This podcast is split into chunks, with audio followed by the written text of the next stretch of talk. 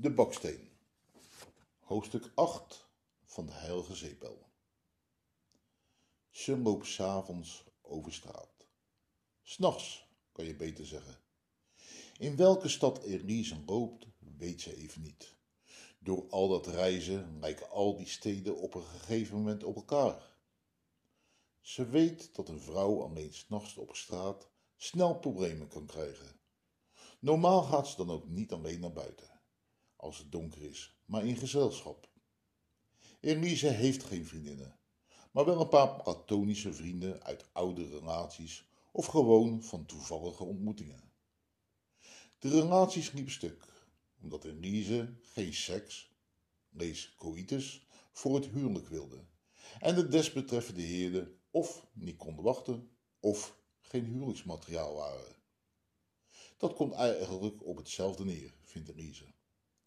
En Elise is dus met haar 35 jaar nog maagd. Je weet hoe het is als vrouw. Mannen fluiten naar je, proberen een praatje met je te maken, kramp je aan. En dat is nog het redelijk normaal maatschappelijk geaccepteerde gedrag van mannen naar haar toe. Laat staan als de onderbuikgevoelens van mannen de overhand over hun lichamelijk handelen neemt. Dan heb je als vrouw een probleem. En waarvoor? Omdat Elise een vrouw is met een uiterlijk waardoor mannen menen dat ze open staat voor alles. En binnen 30 seconden dan. Elise is zo geboren met haar zinnelijke uiterlijk. Kan ze niets aan doen. Ze verwonderde zich vroeger wel eens. Waarvoor krijg ik die shit over me heen en kunnen andere vrouwen ongenaakbaar over straat lopen? Ze heeft het uiteindelijk maar aanvaard als een gegeven feit. Het is nacht. Het is donker. Slechts de lichten van de stad zijn aanwezig. Elise loopt alleen door de straten van de oude haven in Marseille. Voor haar ziet ze twee mannen staan, die aan het praten zijn. Als ze hun echter nadert, zwijgen de mannen, en in stilte wandelen ze tussen hen door. Een rare combinatie zo s'nachts, denkt Elise. Een oude Afrikaan met een jonge hooligan. Maar ja, s'nachts kom je wel meer vreemde mensen tegen.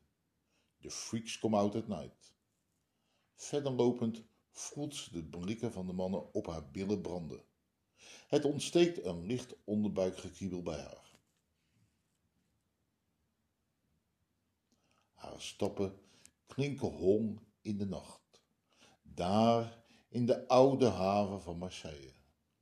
Ze gaat nu onder de bogen lopen en ziet dan voor zich een wat sjovele man in een portiek zitten.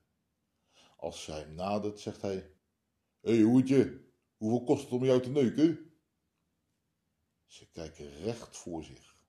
Zoals altijd brengt dit soort reacties op haar aanwezigheid haar van de kaart.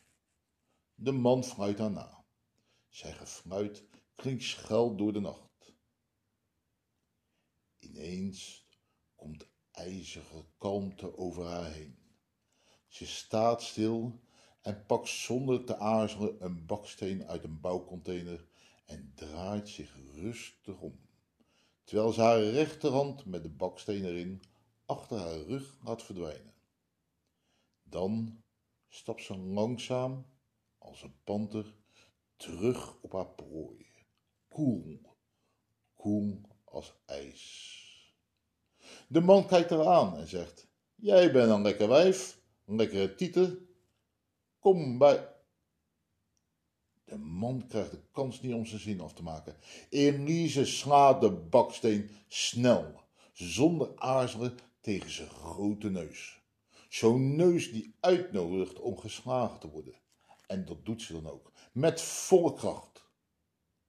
Het hoofd van haar slachtoffer knakt achterover. Zijn neus is geplet en er spuit bloed uit. En ook uit zijn beschadigde mond vloeit donkerrood bloed.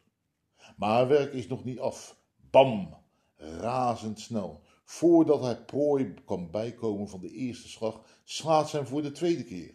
Nu aan de zijkant van zijn hoofd, in de buurt van zijn slaap. Zijn lichaam valt tegen de muur van de portiek en zo blijft zijn schedel netjes in positie, terwijl Elise nog vijf, zes keer vong uitslaat. Niet in razernij of zo, gewoon. Ze is nu bezig met een opdracht in haar hoofd en die moet gedaan worden. Pas als de schedel van de klootzak kapot is en haar handen en onderarmen bedekt zijn met bloed en hersenspetters, stopt ze. Die is wel dood. Elise wordt wakker, in haar zachte, warme bed. Even beseft ze niet waar ze is. Daarnet zat ze nog in Marseille en nu opeens weer thuis. Snel kijkt ze naast haar bed. Daar ligt een baksteen, bruin van het opgedroogde bloed. Ze haalt haar schouders op. Het is niet de eerste keer dat ze zo wakker wordt. Ze leest het morgen wel in de krant. Elise rekt zich uit. Tijd om op te staan.